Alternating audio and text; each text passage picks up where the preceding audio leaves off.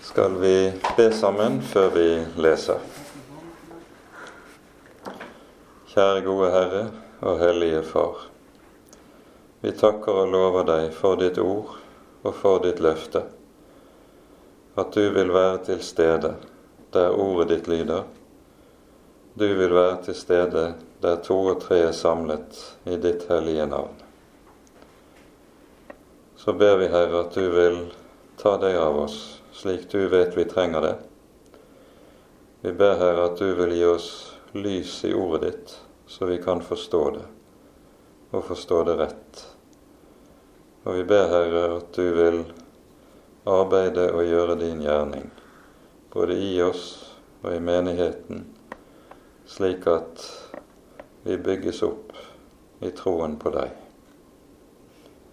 Takk, Herre Jesus, at du har kjøpt oss med ditt eget liv. Hold oss fast hos deg, og hold oss fast i ordet ditt.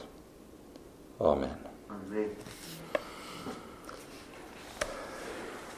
Sist gang hørte vi om eh, Paulus' besøk i Aten. Og eh, Paulus tale på Areopagos, som også er et av de særdeles sentrale avsnittene i apostelgjerningene. Det som eh, den videre kirkehistorie jo forteller oss, er at vi hører knapt noe om Aten. Den det blir ikke en by som har noen stor betydning eh, i kirkehistorien videre. Og det er knapt noen som kommer til tro der. Hvis det blir til en menighet der, så er den ganske liten og får aldri noen betydning. Annerledes stiller det seg i Korint, som vi nå kommer til. Um, og vi tar oss tid nå innledningsvis og leser eh, kapittel 18 i sammenheng. Eh, det er jo sånn at med kapittel 18 så eh, avsluttes den andre misjonsreisen. Det hører vi i slutten av kapittelet. Og Paulus begynner så vidt på den tredje misjonsreisen. Men eh, vi leser i sammenheng. Deretter dro Paulus fra Aten og kom til Korint. Der traff han en jøde som het Akvilas og var født i Pontus. Han var nylig kommet fra Italia med sin kone Priscilla, fordi Claudius hadde påbudt at alle jøder skulle forlate Roma. Dem ga han seg i lag med. Og fordi de hadde samme håndverk, ble han hos dem og arbeidet. De var teltmakere av yrke. Men hver sabbat holdt han samtaler i synagogen, og han overbeviste både jøder og grekere. Da nå, Silas og Timotius kom ned fra Makedonia, var Paulus fullt opptatt med å forkynne, og han vitnet alvorlig for jødene at Jesus er Messias. Men da de sto imot og spottet, ristet han støvet av klærne sine og sa til dem:" Deres blod skal komme over deres eget hode. Jeg er ren. Fra nå av går jeg til hedningene. Så gikk han bort derfra og tok inn i huset til en mann ved navn Justus, en mann som fryktet Gud. Huset hans lå like inntil synagogen. Synagogeforstanderen Krispus kom til troen på Herren med hele sitt hus, og mange korintere som hørte ordet, kom til troen og lot seg døpe. Og Herren sa til Paulus i et syn om natten.: Frykt ikke, men tal, og ti ikke, for jeg er med deg, og ingen skal røre deg eller gjøre deg noe ondt, for jeg har mye folk i denne byen. Så ga han seg til der i ett år og seks måneder og lærte Guds ord blant dem. Men da Gallio var landshøvding i Akaia, slo jødene seg sammen mot Paulus. De førte ham frem for domstolen og sa:" Denne mannen overtaler folk til å dyrke Gud på en måte som er i strid med loven. Nettopp som Paulus var i ferd med å åpne munnen, sa Gallio til jødene:" Hadde det vært tale om en forbrytelse eller en stygg ugjerning, dere jøder, da hadde jeg hatt god grunn til å høre tålmodig på dere. Men er det spørsmål om en lære og om et navn og om en lov som gjelder hos dere, da får det bli deres egen sak. Dommer i disse ting vil jeg ikke være. Og han viste dem bort fra domstolen. Da tok alle fatt på synagogeforstanderen Sostenes og slo ham like foran domstolen. Men Gallio brydde seg ikke noe om det. Paulus ble der enda en lang tid. Så tok han avskjed med brødrene og seilte av sted til Syria sammen med Priskilla og Akvilas. I Kenkreet klippet han håret, for han hadde et løfte på seg så kom de til Efesos. Der lot Paulus de andre bli igjen, men selv gikk han inn i synagogen og ga seg i samtale med jødene. Da de ba ham om å bli der lenger, samtykket han ikke, men han tok avskjed med dem og sa:" Om Gud vil, skal jeg komme tilbake til dere. Og så seilte han fra Efesos. Da han kom til Cesarea, dro han opp og hilste på menigheten. Og så dro han ned til Antiokia. Da han hadde vært der en tid, reiste han ut igjen. Han dro fra sted til sted gjennom hele det galatiske land og Frygia og styrket alle disiplene. Det var en jøde ved navn Apollos, født i Alexandria, som kom til Efesos. Han var en veltalende mann og han var sterk i Skriftene. Han var opplært i Herrens vei, og da han var brennende i ånden, talte og lærte han grundig om Jesus, enda han bare kjente Johannes dåp. Han begynte å tale frimodig i synagogen. Da Priskilla og Akvilas hadde hørt ham, ba de ham til seg å la Guds vei nøyere ut for ham da han nå ville dra videre til Akaya, oppmuntret brødrene ham til dette. De skrev til disiplene der om å ta vel imot ham, og da han kom dit, ble han ved Guds nåde til stor hjelp for de troende. For med kraft gjendrev han jødene offentlig idet han viste av Skriftene at Jesus er Messias. Amen. Så med Apollos i slutten av kapittel er vi tilbake i Korint. For det er Korint Apollos altså virker. Korint ligger ikke svært langt syd for Aten. Så det er vel et par dagsreiser fra Aten til Korint.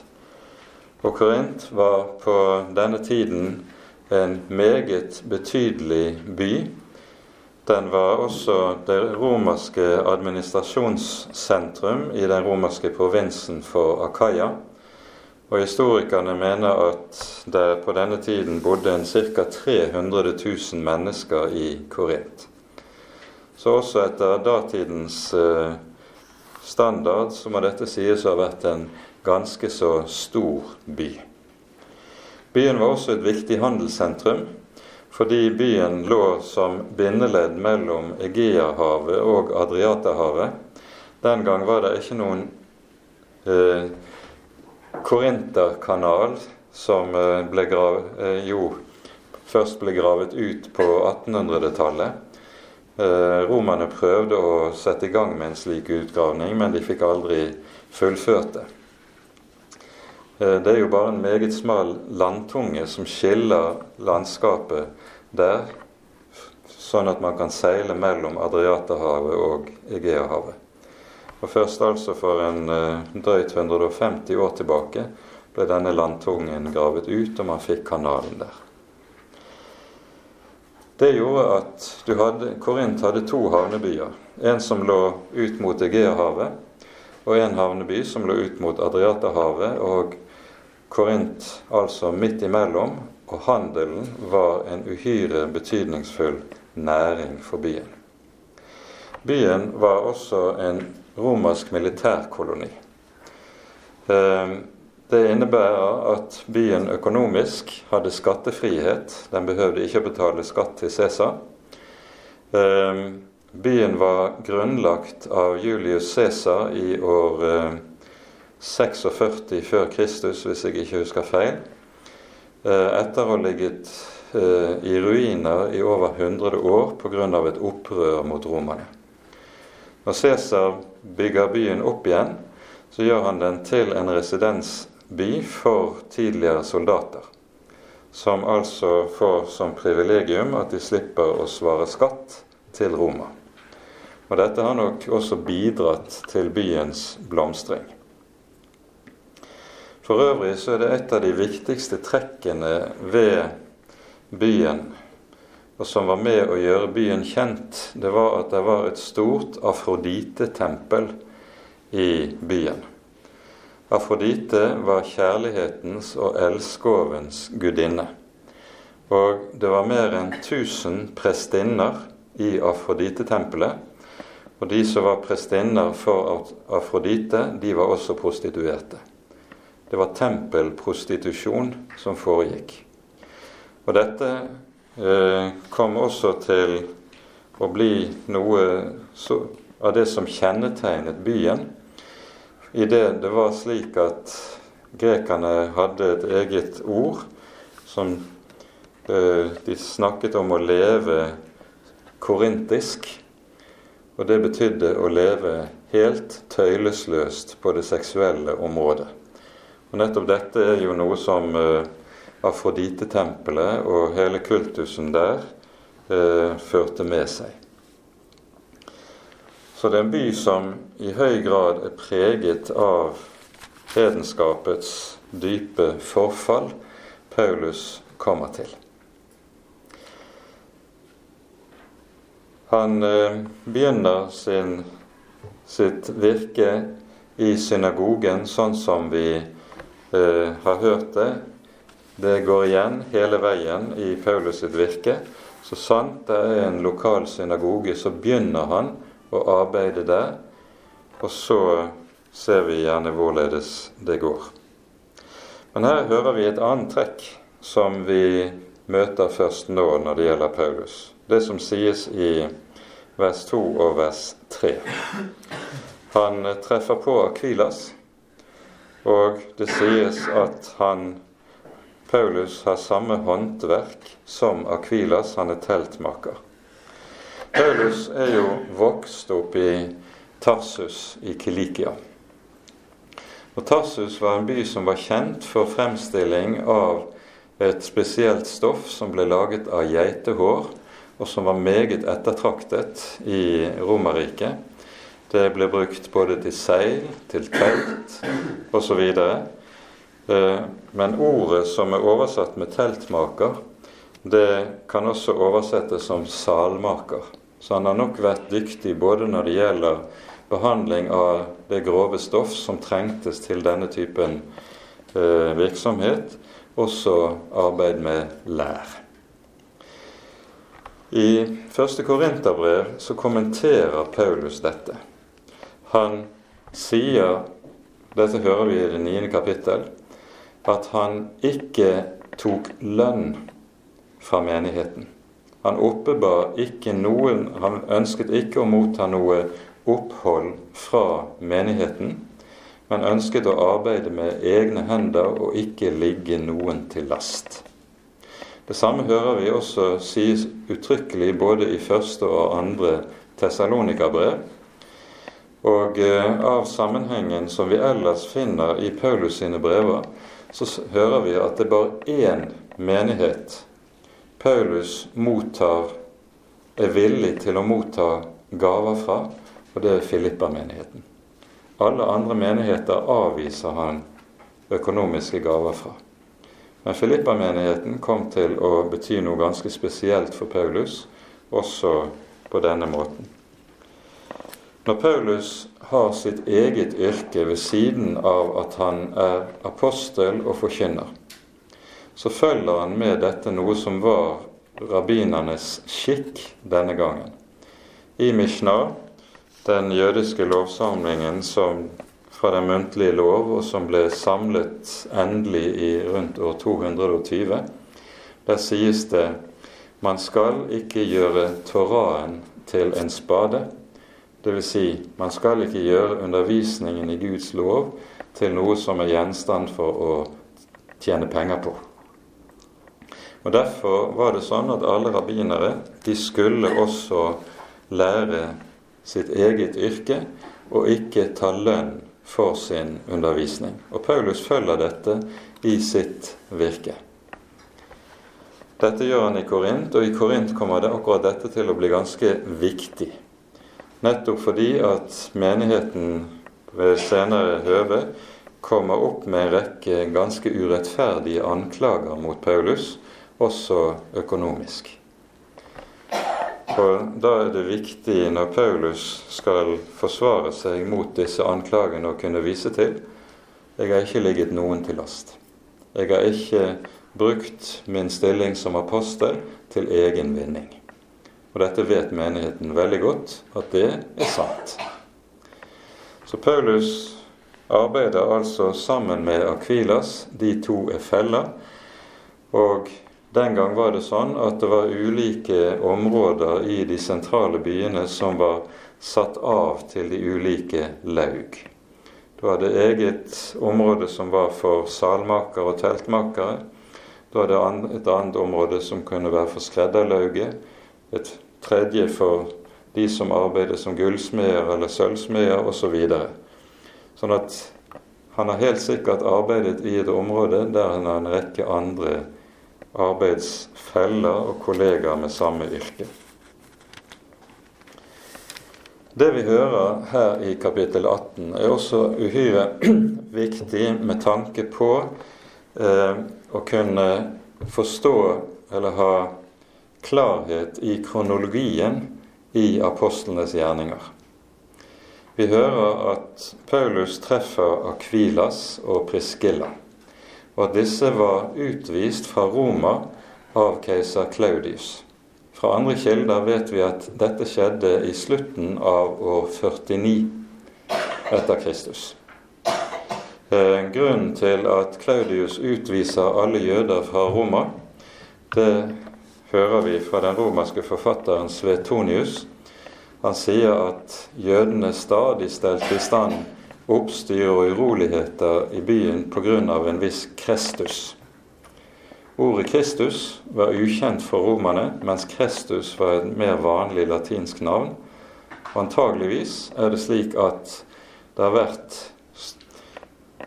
større uroligheter i, eh, blant den jødiske befolkningen pga. evangeliet om den Herre Jesus, og at det er dette som ligger bak. Så har Akvilas og Priskilla kommet til Korint, slått seg ned der. Og Dette betyr at vi antagelig er i slutten av år 50 når Paulus kommer til Korint. Vi hører også om landshøvdingen Gallio, som vi møter i vers 12. Eh, det var slik at eh, den romerske provinsen Akaya var en såkalt senatsprovins. Og Da var det slik at Senatet utpekte de som skulle gjøre tjeneste som landshøvdinger i dette området, og tjenestetiden var aldri lenger enn ett til ett og et halvt år. Og fra innskrifter man har funnet arkeologisk, så vet man at Gallio var landshøvding i, og jo altså residerte i Korint fra år 51 til år 52. Så når Paulus er i Korint i ett og et halvt år, så kan vi anta at han altså kommer til Korint eh, utpå høstparten år 50 og forlater byen igjen utpå vårparten i år 52 etter ett og et halvt års opphold. Så disse to opplysningene som vi finner her i kapittel 18, de er ganske betydningsfulle nettopp med tanke på å kunne tidfeste en rekke av de andre begivenhetene i apostlenes gjerninger. Så hører vi altså at Paulus fra vers 4 holder samtaler i synagogen. Ehm, her brukes et uttrykk på gresk som vi har møtt tidligere. Ordet samtale, det er eh, dialogeo på gresk. Ordet som vi har i dialog. Det har helt sikkert vært slik at de har så å si sittet og samtalt over den åpne, hellige Skrift. Og Paulus har gjort det samme som vi hører om Apollos i slutten av eh, kapittelet. Han viser av Skriftene at Jesus er Messias. Nøyaktig dette sies jo også uttrykkelig om Paulus et par andre steder i, tidligere i apostelgjerningene. Så hører vi i vers 5 at Silas og Timotius kommer ned fra Makedonia. De var blitt igjen der i nord, i Tessaloniki og i Filippi. Ehm, vi hører i, i første Tessalonika-brev, i det tredje kapittel, at eh, Timotius hadde kommet til Paulus når han var i Aten. Men Paulus var så urolig for situasjonen i Tessaloniki at han sendte Timotius tilbake dit. Sånn at etter at Timotius da har vært annen gang i eh, Tessaloniki, er det han kommer tilbake til Korint og møter Paulus der. Så sies det da nå Silas og Timotius kom ned fra Makedonia, var Paulus fullt opptatt med å forkynne. Dette kan muligens oversettes litt annerledes, nemlig at Paulus ble fullt opptatt med å forkynne. Dvs. Si at han ikke lenger brukte tid i teltmakerverkstedet sitt. Det kan muligens henge sammen med at, eh, Silas og Timotius har med seg en gave fra menigheten i Filippi til underhold, som gjør at Paulus ikke økonomisk lenger er avhengig av å arbeide selv, men kan, bruke, kan være forkynner på heltid. Det vet vi ikke, men det er en antagelse som eh, ganske mange eh, skriftutleggere har til akkurat det som nevnes her. Så møter vi i vers 6 det som vi hører om igjen og om igjen i apostlenes gjerninger. At forkynnelsen av evangeliet setter skillet. Og så eh, tar da Paulus den beslutning som han gjør, at dermed så forlater han synagogen og etablerer et nytt sentrum i navnet i huset til en mann som heter Justus. I noen eh, håndskrifter er også et tilleggsnavn bevart, Titius Justus. Eh, og dette huset ligger vegg i vegg med synagogen. Titius Justus har antagelig vært en relativt velholden mann. Han har hatt et såpass stort hus at han kunne huse en større forsamling. Eh, og slike husforsamlinger ble begynnelsen til det som senere etter hvert ble kirkebygg den første kristne tid så møttes de kristne alltid igjen. For de hadde ikke egne kirkebygg. Og som regel var det da i hjemmene hos personer som var såpass velstående at de hadde god plass, og dermed rom til å huse en større forsamling. Men vi skal legge merke til ordene som vi hører fra Paulus i vers 6. For her sies det altså at Paulus rister støvet av klærne sine. det refererer direkte til det Jesus sier til disiplene i utsendelsestalen som vi finner i Matteusevangeliet kapittel 10. Der han sier tar de ikke imot dere, skal dere riste støvet av deres føtter til et vitnesbyrd mot dem. Men så legger Paulus til det som er det store alvor i det å avvise evangeliet. Deres blod kommer over deres eget hode. Jeg er ren. Det Paulus her har i tanke, det er ordene som lyder til profeten Esekiel i det tredje kapittel i Esekiels bok. Og jeg tror vi skal ta oss tid til å lese de par versene.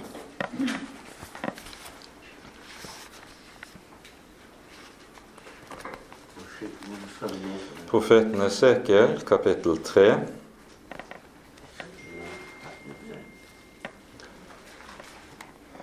Og så leser vi fra vers 17.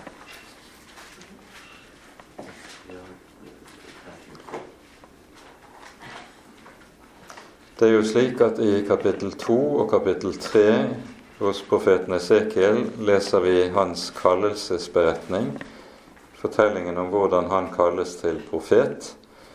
Og eh, han får et ganske så tungt kall. Eh, fordi han får et kall som handler om å tale til et folk som ikke vil høre. Gud advarer han og sier du skal tale, men de vil ikke høre på deg. Og I denne sammenheng er det det altså sies fra vers 17. Menneskesønn, til vekter har jeg satt deg for Israels hus. Når du hører et ord av min munn, skal du advare dem fra meg.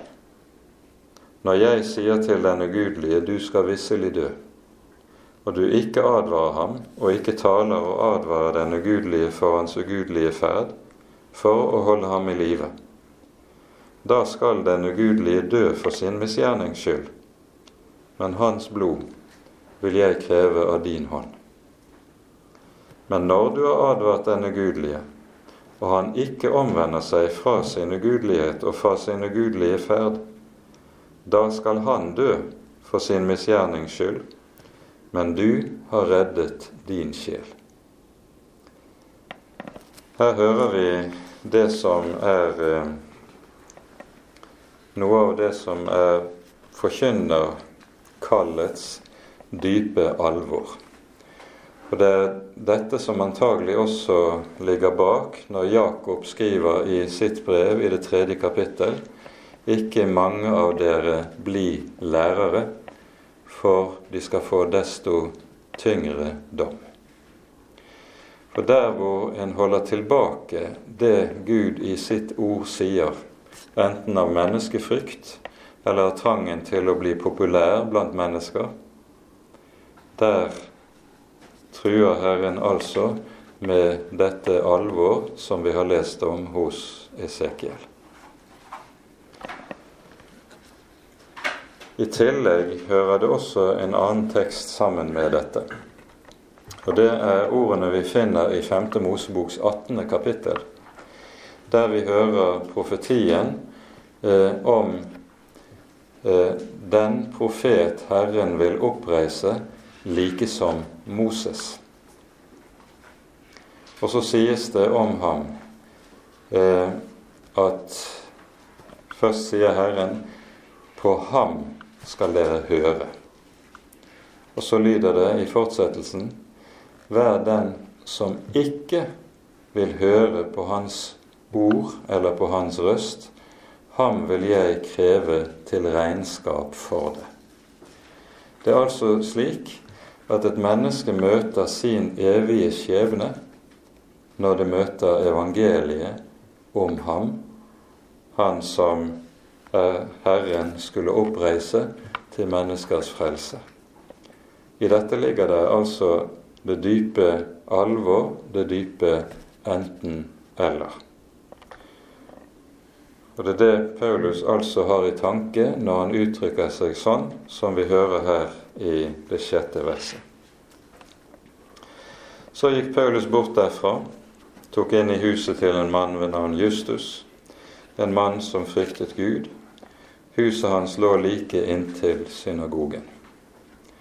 Det innebærer at Paulus ved å flytte hovedkvarteret sitt dit, så får han et sted hvor han i fred kan undervise de som er kommet til tro, for at de også kan grunnfestes i troen. Vi hører jo at Jesus gjør noe av det samme i sitt virke. Når motstanden mot Jesus under hans virke blir mer og mer uttalt, det kommer dit hen, som vi hører i Matteusevangeliet, at fariseerne beskylder Jesus for å være besatt av djevelen. Da hører vi at Jesus fra det, det tidspunktet av gradvis trekker seg tilbake fra folkemengden og all denne uroen og fiendskapet som folkets religiøsere bar med seg, for å kunne være ene med disiplene og i ro kunne undervise dem. For en sånn ro til undervisning er helt nødvendig for at de troende kan rotfestes og grunnfestes i troen. Så hører vi underlig nok i det åttende verset at eh, det står at synagogeforstanderen Krispus kom til troen på Herren med hele sitt hus og at det er skjedd etter at Paulus har flyttet ut fra synagogen og forlatt diskusjonene som det helt sikkert har vært der i synagogen. Krispus hører vi om igjen i første Korinterbrev, for han omtales i kapittel 1 som den eneste som Paulus døpte av de som kom til tro når mennesker kom til tro, så forstår vi av dette at Paulus vanligvis ikke døpte de som kom til tro. Men det overlates til de som innsettes til å være menighetens lokale ledere. Det er de som får ansvar for den siden ved troens liv. Så Paulus understreker i, altså i kapittel 1 i første Korinterbrev at det kun er Krispus og hans hus som er eh, som han har stått ansvarlig for når det gjelder deres dåp. Og mange korintere som hørte ordet, kom til troen og lot seg døpe, men altså ikke av Paulus. Så hører vi fra vers 9 at Herren gjester Paulus i et syn og gir Paulus et håndtrykk og en oppmuntring. Herren sa til Paulus i et syn om natten, frykt ikke, men tal og ti ikke, for jeg er med deg, og ingen skal røre deg eller gjøre deg noe ondt, for jeg har mye folk i denne byen. Så ga han seg til der i ett år og seks måneder. Herrens ord til Paulus det blir altså her foranledningen til at Paulus blir lengre i Korint enn han til da hadde vært noe annet sted. Frem til nå så har vi hørt at Paulus' virke har bestått i en stadig reisevirksomhet der han aldri oppholdt seg særlig lenge på hvert sted. Ofte var årsaken til at han måtte dra videre fiendskap, forfølgelse og motstand. Men her forandres altså denne situasjonen radikalt. Når du leser første Korinterbrev, så kan du legge merke til eh, Jeg tror vi kanskje også skal lese der. At Paulus i dette brevet nevner i kapittel 2 litt om sin ankomst til Korint. Han sier i, fra begynnelsen av kapittel 2.: Da jeg kom til dere, brødre, kom jeg ikke med mesterskap i tale eller visdom da jeg forkynte dere Guds vitnesbyrd. for jeg ville ikke vite noe iblant dere uten Jesus Kristus og ham korsfestet. Jeg var hos dere i svakhet, under stor frykt og beven. Dette siste verset, vers 3. Jeg var hos dere i svakhet, i stor frykt og beven, sier mye om Paulus sinnstilstand når han kommer til Korint. Bak seg har han en reise der han har opplevd ikke bare motstand og fiendskap, men han har opplevd fengsel, tortur, mishandling og avvisning. Og antagelig er det slik at det er en sliten Paulus som ankommer Korint, av alt det han har vært igjennom av strabaser, motstand og smerte. Og så er det kanskje noe av det som gjenspeiles i det han sier om seg selv i denne sammenheng. Jeg var hos dere i svakhet, under stor frykt og beven. Han kommer altså ikke til Korint som den såre, store mann og store apostel, men han kommer som en som føler seg liten, hjelpeløs og svak. Og så har han kanskje på en særlig måte nettopp trengt at Herren gir han det håndtrykket han får, som vi leser om her fra vers 9 i apostelgjerningene. Og Vi skal særlig legge merke til de enkle ordene i vers 10. For jeg er med deg. Disse enkle ordene de er egentlig svaret på enhver innvending som måtte dukke opp når det gjelder fremtiden og tjenesten. Dette er ord du hører lyde gjentatte ganger til profetene også i Det gamle testamentet. Når Gud vil sende Moses til eh, farao, så har Moses tusen innvendinger. Men Herren sier, 'Jeg er med deg'. Ja, men farao er så mektig. Ja vel, svarer Gud, 'Jeg er med deg'. Ja, men jeg er så liten. Hvem er jeg at jeg skal kunne gå til farao? Og Herren svarer, 'Jeg er med deg'. Altså ordene 'Jeg er med deg', det er svaret på enhver innvending og på alt det som måtte melde seg av frykt og betenkeligheter. Og med det så minnes en om det helt grunnleggende hvem en har med å gjøre når en som Paulus reiser i Herrens ære, i Herrens æren, på hans befaling, og ikke i et kall som en selv har funnet på. Herren har sendt ham, og Herren vil være hos ham. Her kunne vi kanskje også minne om at i kapittel 26, når vi hører den tredje forsvarstalen eh, fra Paulus' munn etter at han er fengslet, så forteller, gjenforteller Paulus der hva han opplevde utenfor Damaskus når han møtte Jesus og kom til kristen tro. Og her sier Jesus til Paulus at han vil sende ham eh, ut til hedningefolkene. Han skal bli den som forkynner evangeliet for folkeslagene. Og så sier, sier Jesus videre til ham Jeg vil fri deg fra alle dem jeg sender deg til.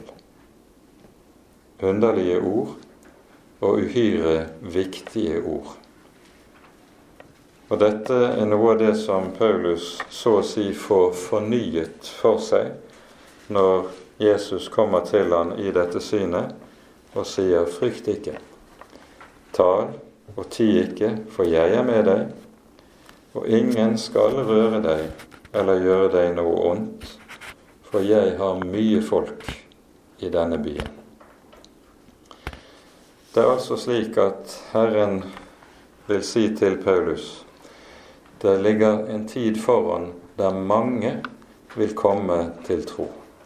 Vær du bare frimodig og forkynn, Herre, ordet. Så skal nok Herren sørge for at ordet bærer den frukten som det skal bære.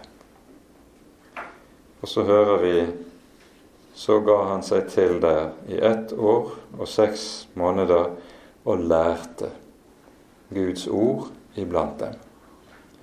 Paulus lærer. Og dette er jo et verb som vi stadig møter i eh, forbindelse med forkynnelsen i Det nye testamentet. Forkynnelsen er lære. Forkynnelsen er undervisning. Det er altså ikke slik at forkynnelsen bare er kjappe andakter som skal uh, lide Som skal klø folk i ørene. Men det skal ha en læremessig substans som gjør at det er hold i det som lyder. Og Dette er veldig viktig å være klar over, ikke minst i en tid der nettopp læresiden ved forkynnelsen ser ut til å bli mindre og mindre betont i svært, svært mange sammenhenger. Man blir mer og mer opptatt i mange sammenhenger av følelser, av opplevelser som man skal fortelle om, og det er sånt som skal være rørende å høre for folk. Men det som Det nye testamentet igjen og igjen understreker, det er at læreinnholdet i forkynnelsen det er helt avgjørende for at forkynnelsen også skal bære frukt som varer og ikke bare bli til døgnflue tro. Så hører vi at det også blir et oppløp eller forsøk på å lukke munnen på Paulus når han er i Korint, fra vers 12. Da Gallio var landshøvding i Akaya, slo jødene seg sammen mot Paulus. De førte ham for domstolen og sa denne mann overtaler folk til å dyrke Gud på en måte som er i strid med loven. Antagelig har de ordlagt seg på en måte som innebærer at eh, Paulus skal mistenkes for å ha en religiøs forkynnelse som er i strid med romersk lov. Ikke jødisk lov. De lar det stå litt sånn udefinert den anklagen som lyder. Gallio eh, gjennomskuer umiddelbart hva det taler om. Han skjønner at det slett ikke er en forkynnelse som er i strid med romersk lov, som Paulus representerer.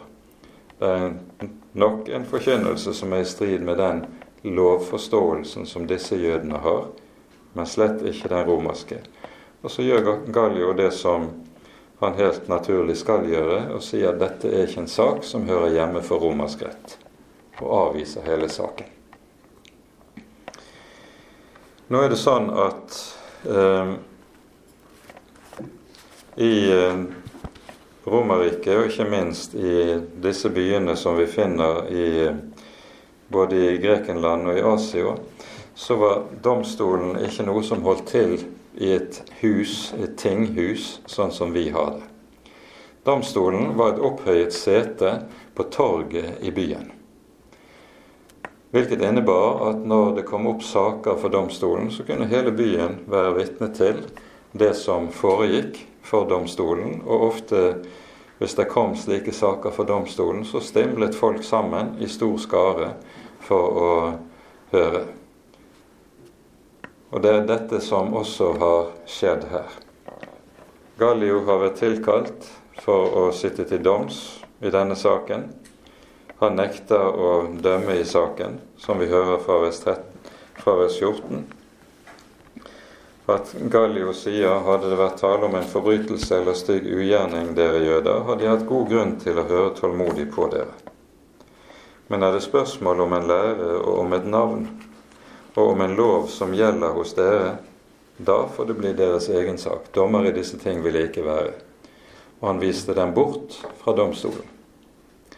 Da tok alle fatt på synagogeforstanderen Sostenes og slo ham like for domstolen. Det har antagelig da vært slik, for det første, at Krispus, som jo var synagogeforstander, han, når han kommer til kristen tro, så blir han avsatt som synagogeforstander. Paulus etablerer jo, med, i og med at evangeliet avvises, så settes det et skille, og de troende samles altså i huset til Justus. Der vil også Krispus ha kommet til å ha fått sitt åndelige hjem. Så er antagelig da Krispus blitt etterfulgt av Sostenes, som er blitt den nye synagogeforstanderen. Og det er han som har fremmet saken for Gallio på torget. Og når eh, folkemengden hører Gallio bare avviser blankt å ta denne saken, så ser det ut som det rett og slett det kommer et, et brått utbrudd av den latente antisemittismen som allerede da var eh, ganske uttalt i Romerriket. Folkemengden tar tak i Sostenes og banker han opp for alles øyne, og landshøvdingen bryr seg overhodet ikke om det. Dette er et lite glimt inn i noe av det som eh, også var situasjonen allerede den gang i eh, Romerriket. Eh, vi skal være klar over at antisemittismen det er ikke noe som først dukket opp i kristen middelalder. Den er noe som snarere er noe som kom i arv allerede fra Romerriket. For i Romerriket så finner man en uttalt antisemittisme i en rekke sammenhenger. Vi går nå videre i, eh, og leser fra vers 18. Paulus ble der ennå en lang tid. Om det betyr at han enda ble en tid i tillegg til det ett og et halvt år som har vært omtalt tidligere, eller om dette er inkludert i dette, det vet vi ikke. Men han tar avskjed, reiser av sted til Syria.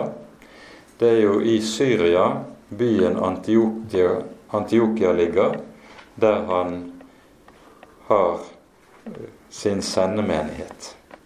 Så han vil tilbake til Antiokia og se menigheten igjen der. Men nå blir Priskilla og Akvilas med Paulus. Disse to kommer til å få stor betydning for Paulus.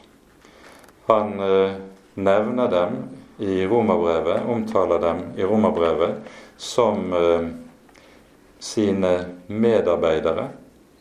Og det er tydelig at disse to har hatt eh, svært sentral rolle i den eldste kristne menighet. Det gjelder både her og senere i Roma. For i Romerbrevet hører vi at de har vendt tilbake igjen til Roma etter at Claudius sitt forbud mot at jøder skulle oppholde seg i byen, var blitt opphevet. I slutten av vers 18 så hører vi det sies i Kenkrie klippet han håret, for han hadde et løfte på seg. Dette høres kanskje litt mystisk ut, men det henger sammen med det som vi leser i eh, Fjerde Mosebok i det sjette kapittel om det som kalles for Nasireer-løftet. Eh, Nasireer-løftet, det var en egen innvielse som et menneske kunne gjøre til Gud for en kortere eller lengre periode. Den minste perioden en kunne innvie seg til den særlige tjenesten, sies det i, der er 30 dager. Så det er minimum. Men en kunne gjerne innvies for et år eller for ti år. Det var opp til en selv hva en måtte ønske. Eh, og Det som kjennetegnet nasireeren, var at når han inngikk og ga et slikt løfte, så var det tre krav som han skulle oppfylle. For det første, han skulle ikke klippe håret. så lenge Nazirea-løftet varte, så skulle ikke skulle håret vokse, og det kunne altså bli ganske langt hvis det var tale om en lang periode. Det er dette som er forklaringen på Samson sitt lange hår, som vi hører om i dommerboken. Han var nazireer for hele sitt liv. Og når håret hans blir klippet, så betyr det at nazireerløftet er brutt, og dermed så mister han den gudgitte kraft som hørte med til hans løftestid. Det er også det andre som hører til Nazirea-løftet, var at nazireeren skulle være absolutt avholdende fra alkohol. Han skulle ikke røre, overhodet ikke røre noe av det som var vintreets frukt. Heller ikke rosiner eller druer kunne han spise. Intet som kom fra vintreet, skulle nazireeren røre. Og Det tredje var at nazireeren ikke skulle røre ved et lik. Hvis han kom i berøring med et lik, så ville hele Nazirea-tiden være så å si avlyst, og han måtte begynne på ny for løftesperioden. Det er de tre kravene som lå på Nazirea-tiden. Når så denne løftesperioden gikk ut, da skulle håret rakes av. Vi ser, finner forskriftene for dette i 4. Mosebok 6. Ehm, og eh, om aller helst skulle dette da skje i Jerusalem, og håret som ble raket av, en skulle rake seg fullstendig, det skulle da brennes på brennofferalteret i Jerusalem. Sammen med at det skulle frembæres bestemte offer. Vi får ikke vite i teksten hva slags løfte det er Paulus har avlagt, og for hvor lang tid denne løfteperioden har vart. Men det som er det viktige å legge merke til i denne sammenheng, det er at vi ser at Paulus overholder Moseloven. I Galaterbrevet er Paulus uhyre nøye på dette at hedninger skal ikke forpliktes til å omskjæres og overholde Moseloven, mens noe annet gjelder for jøder. Jødene er de som har fått Moseloven, og som troende jøde så ser vi at Paulus er nøye med for sitt eget vedkommende å overholde loven. Og Dette understreker Paulus ved flere anledninger senere i brevene. Vi har ikke tid til å gå inn på alt. Men eh, vi finner en lignende liten eh, fortelling i kapittel 21 i apostelgjerningene. Jeg tror vi skal ta oss tid til å lese derfra. Eh, I og med at vi ikke kommer til å ta for oss disse kapitlene eh, nå videre. Her hører vi jo at Paulus kommer til Jerusalem. Eh, vi leser fra vers 17, i, altså i kapittel 21. Da vi kom til Jerusalem, tok brødrene imot oss med glede. Neste dag gikk Paulus med oss til Jakob, og alle de eldste kom dit. Jakob var jo den som var leder for menigheten i Jerusalem. Um, og Peter hadde da også begitt seg på reise og var, var ikke lenger i Jerusalem. Uh, da han hadde hilst på dem, fortalte han hva Gud hadde gjort blant hedningene ved hans tjeneste, det ene etter det andre. Og da de hørte det, priste de Gud. Så sa de til ham, Du ser, bror, at mange tusen blant jødene er kommet til troen, og alle er de nidkjære for loven. Men nå har de hørt om deg, at du lærer frafall fra Moses blant de jøder som lever ute blant hedningene, og sier at de ikke skal omskjære sine barn eller følge de gamle skikker. Hva er det da å gjøre? En stor mengde kommer til å samles, for de vil få høre at du er kommet hit. Gjør derfor som vi sier til deg. Vi har her fire menn som har et løfte på seg. Det Nasileria-løftet det taler om. Ta dem med deg, og la deg rense sammen med dem. Betal du omkostningene for dem, så de kan få raket hodet. Da vil alle skjønne at det ikke er noe i det som de har hørt om deg, men at du selv lever slik at du holder loven.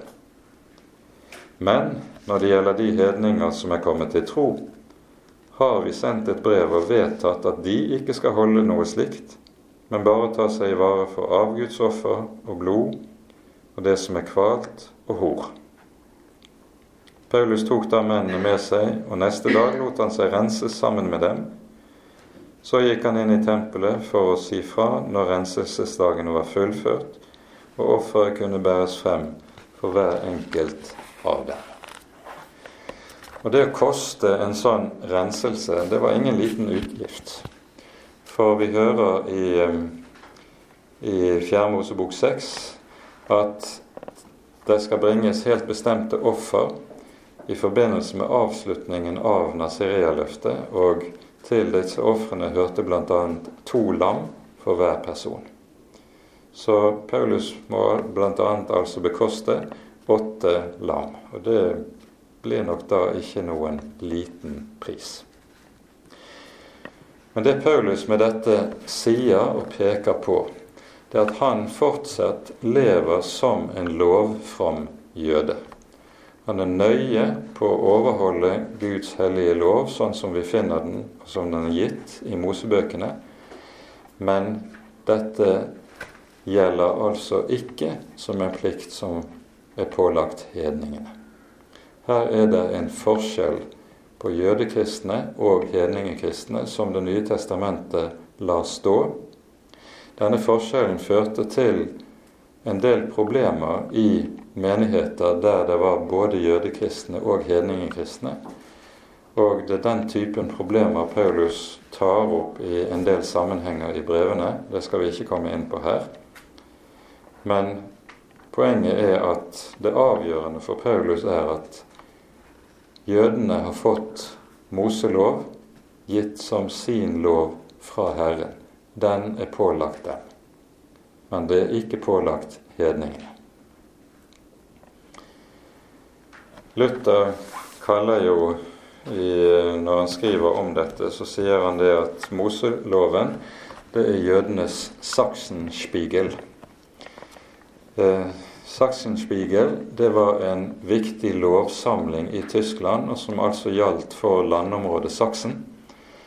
Eh, og akkurat som jødene altså har fått sin lovsamling, nemlig Moselov, som er gudgitt, så har tyskerne fått en annen lovsamling, Sachsenspiegel.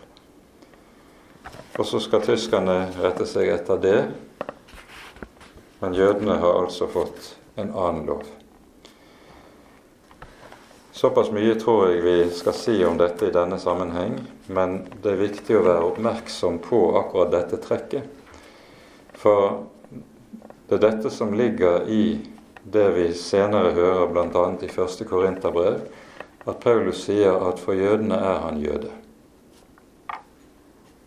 Han lever som en troende jøde og overholder de skikker og lover som hører til det. Vel, Kenkrie det er eh, havnebyen til Korint. Og så går de om bord og første etappe på seilasen østover er da til Efesos. Paulus går i land der og blir der en ganske kort tid. Får innledende samtaler i synagogen, men vil reise videre. Han ønsker å komme til Jerusalem til høytiden. Om det og antagelig er det påskehøytiden, muligens pinsehøytiden det taler om, det vet vi ikke. Men det på vårparten år 52 Paulus nå er på reise.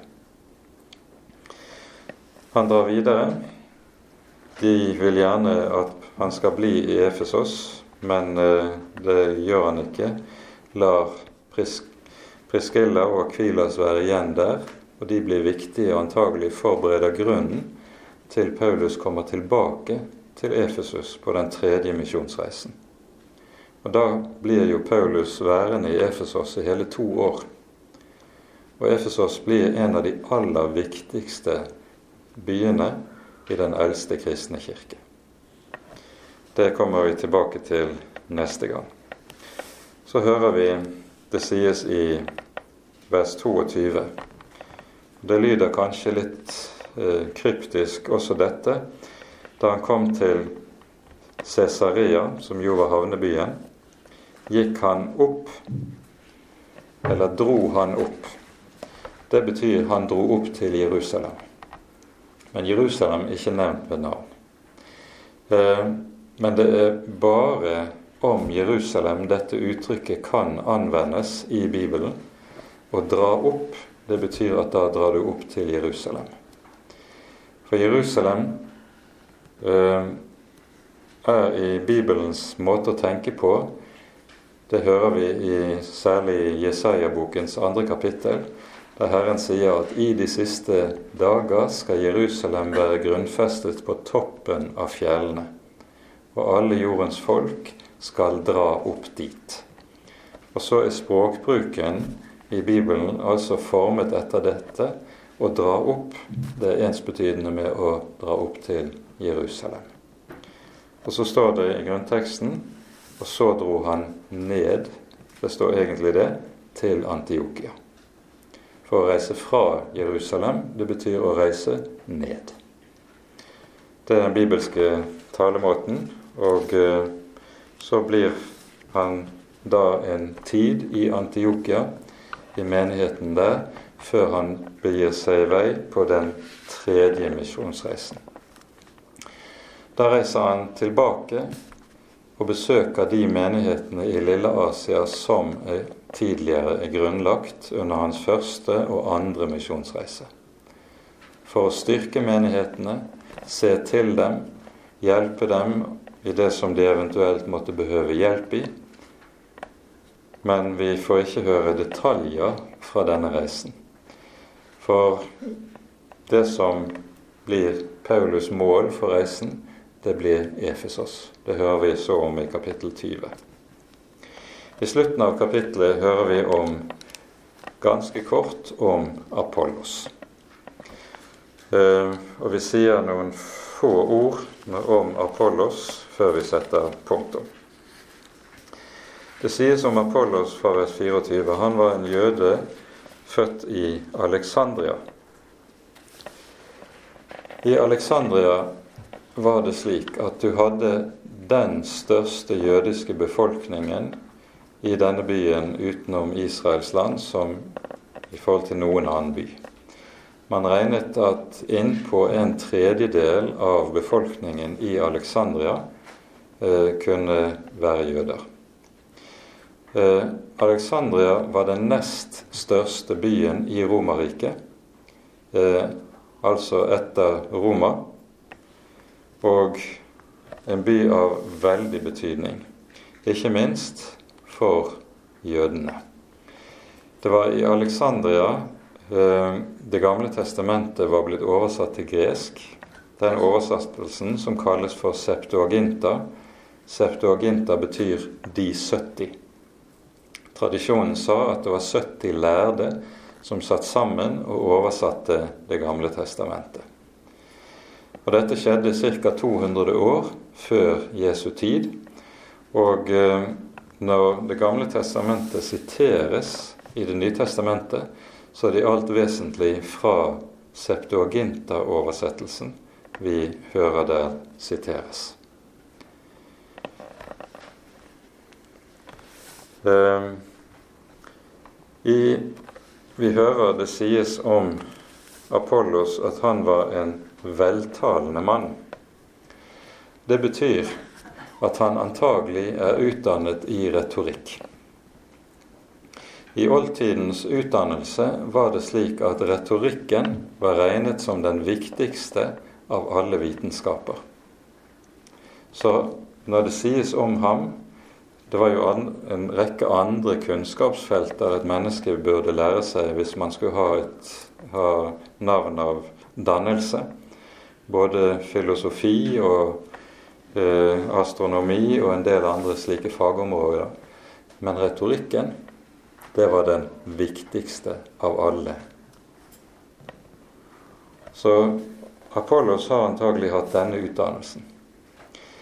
Når Paulus sier i 1. Korinterbrev kapittel 2 at han ikke kom til korinterne med, som en veltalende mann eller med talekunst, så understreker Paulus med dette at han har ikke utdannelse som retoriker.